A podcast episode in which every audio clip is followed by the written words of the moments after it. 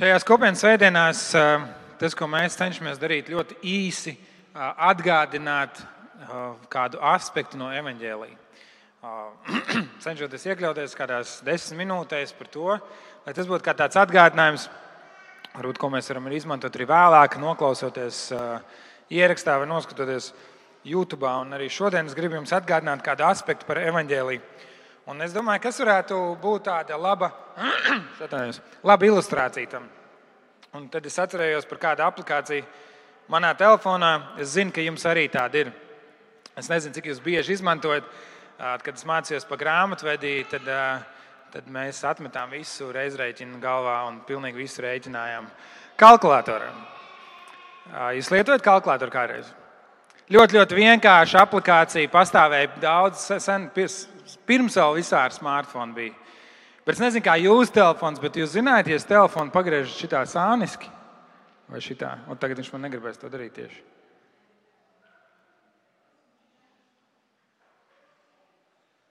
Un tad, kad viņi pagriež sāniski, izrādās, tur ir pilnīgi cita pasaule. Tur ir kaut kādi sīnusi un kosīnusi un, un kvadrāts saknes un vēl kaut kas tāds.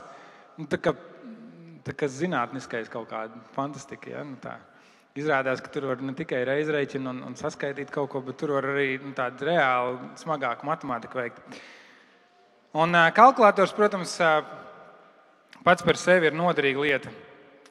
Bet man jāatzīst, ka nu, es ļoti neizmantoju to, to potenciālu, kas šai aplikācijai ir. Un uh, līdzīgi ir ar evaņģēlīju mūsu dzīvē. Mēs esam ieguvuši šo neiedomājumu vērtīgo dāvanu Bet reizēm turpinām dzīvot kā tādi garlaikoti neprašas, jo nezinām, ko ar šo dāvanu iesākt. Mums ir pieejams viss svētā gara spēks, bet mēs dzīvojam knapinoties no svētdienas uz svētdienu.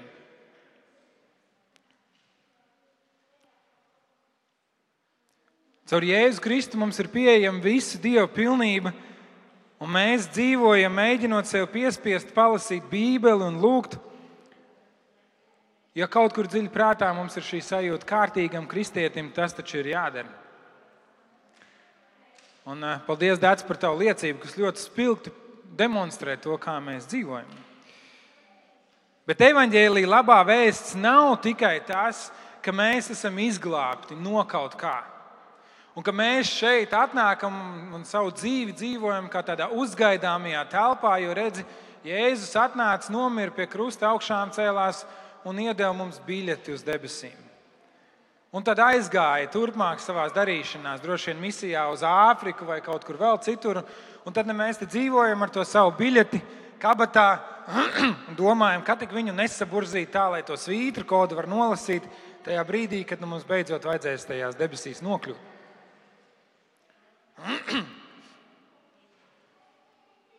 Evangelijas ir labā vēsts ne tikai tam, ka mēs esam izglābti no kaut kā, ka mēs esam izglābti no soda par saviem grēkiem, ka mēs esam izglābti no atšķirības no Dieva, bet tā ir labā vēsts, ka mēs esam izglābti kādam mērķim. Mūsu dzīvē tagad ir jēgpilns uzdevums. Dievs izglāb mūsu savu mērķim, un Viņš dod mums spēku šo mērķi piepildīt. Viņš mūs izglāba, mūs izglāba Dieva darbs, lai mēs varētu darīt Dieva darbu. Tas tas, ko um, Tomas arī nolasīja dievkalpojumu ievadā no vēstules efeziešiem, jo žēlstībā jūs esat izglābti caur ticību. Tas nenāk no jums, tā ir Dieva dāvana. Tas nav arī no darbiem, lai kāds nesāk dižoties. Mēs paši esam viņa darinājums, Kristu Jēzu, radīti labiem darbiem, kurus Dievs iepriekš, kurus Dievs iepriekš sagatavojis, lai mēs tajos dzīvotu. Mēs esam radīti labiem darbiem. Paldies! Tas ir labais darbs.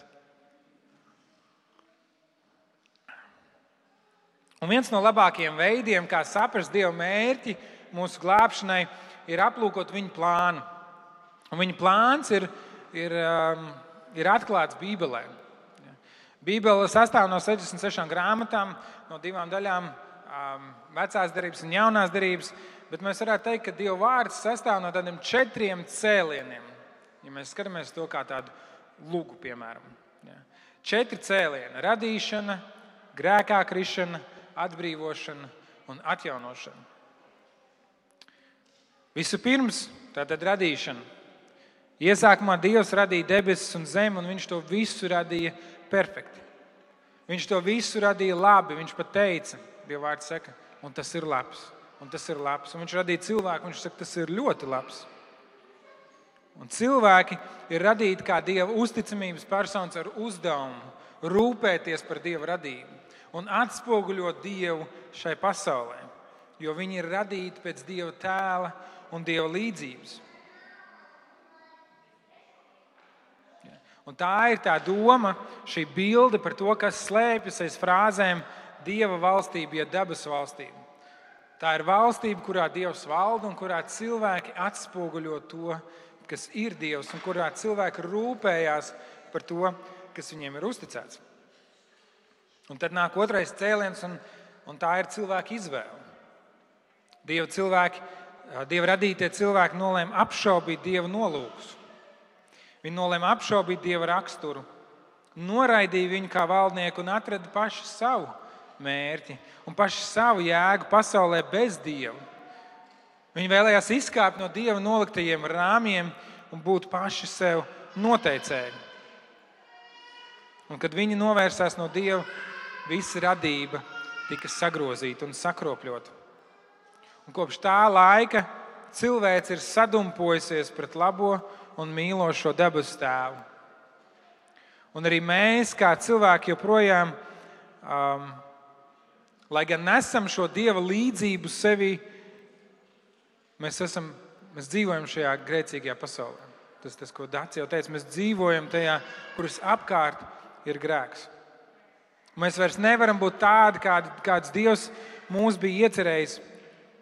Mēs esam likuši sevi pirmajā vietā. Savas vēlmes, savu pasauli, savu valstību. Mēs esam ielikuši sevi centrā.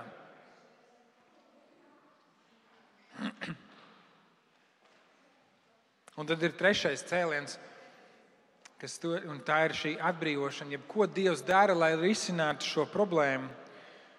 Un vispirms Dievs izvēlas tautu, Izraēlu tautu. Sākot ar Ābrahāmu un viņa dēliem un dēlu dēliem, un nākamajām paudzēm Dievs izvēlas sev cilvēkus, kuri nesīs viņu vārdu. Kuri būs kā priesteri tauta, kuri būs tie vidutāji, kuri būs kā tilts starp Dievu un pārējo pasauli.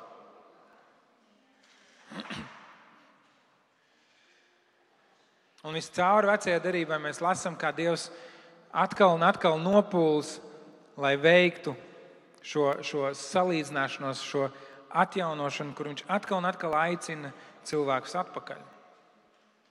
Un tad nāk Jēzus. Jēzus, kurš ir šis Ābrahamam dotā apsolījuma piepildījums, caur kuru Dievs atjaunos pasauli. Jēzus izdara to, ko cilvēks nespēja. Viņš dzīvo pilnīgi svētu dzīvi Dieva priekšā. Un tai vietā, lai saņemtu par to balvu, viņš saņem par to sodu. Nevis tāpēc, ka viņš dzīvo pilnīgi, bet tāpēc, ka mēs nespējam dzīvot pilnīgi un pie krusta viņš uzņemas mūsu vainas, mūsu grēku, mūsu ciešanas un saņem mūsu sodu. Viņš samaina mūsu grēku pret savu taisnību. Viņš samaina mūsu nepilnību pret savu pilnību. Viņš samaina to, notiek izpirkšana. Ar savu dzīvi viņš izpērk mūsu. Dieva taisnība, Dieva dusmas tiek remdētas, un arī Dieva žēlastība tiek parādīta. Ar Jēzus palīdzību Dievs ir atradzis veidu, kā cilvēki var atjaunot savas attiecības ar Dievu un atkal dzīvot viņa valstībai un viņa mērķim. Un šeit mēs nonākam pie draudzes, pie mums. Jēzus aicina savus sekotājus vai patiesībā pavēla saviem sekotājiem iet un darīt par mācekļiem visas tautas. Mācīt tām to, ko Jēzus bija viņiem mācījis, aicināt viņus uz grēku nožēlu un apliecināt to kristībā, tēva dēla un svētā gara vārdā. Dievs piepilda savu draugu ar svēto garu. Lai mums būtu spēks ne tikai dzīvot labu dzīvi, pareizu dzīvi, bet lai mums būtu spēks liecināt.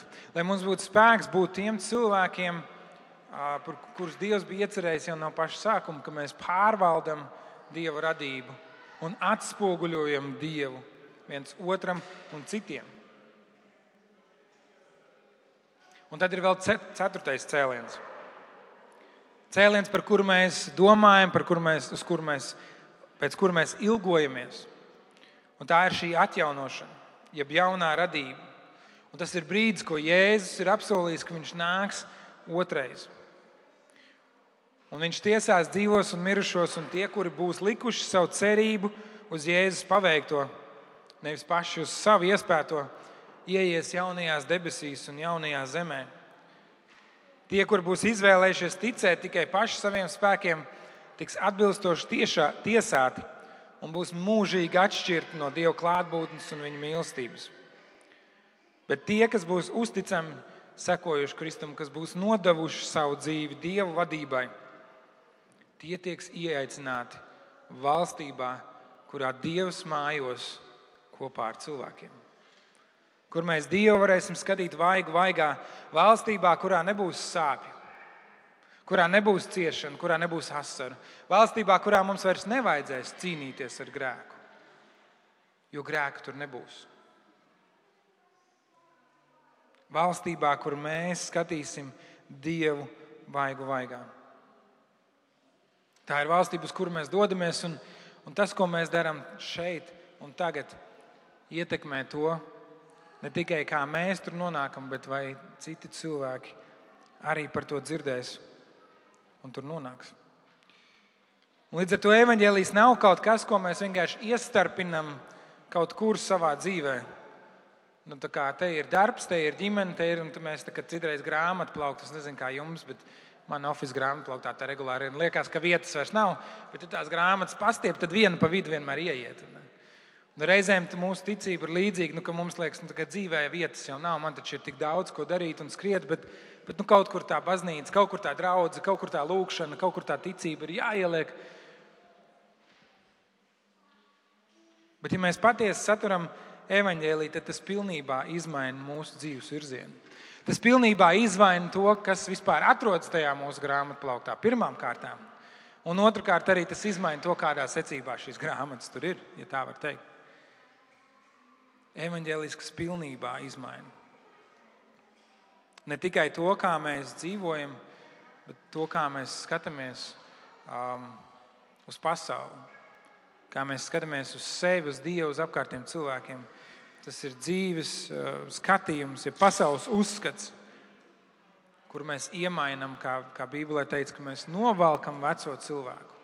Mēs novelkam vecās drēbes un mēs uzvelkam jaunus ka evaņģēlijs pilnībā maina to, kā mēs skatāmies uz dzīvi.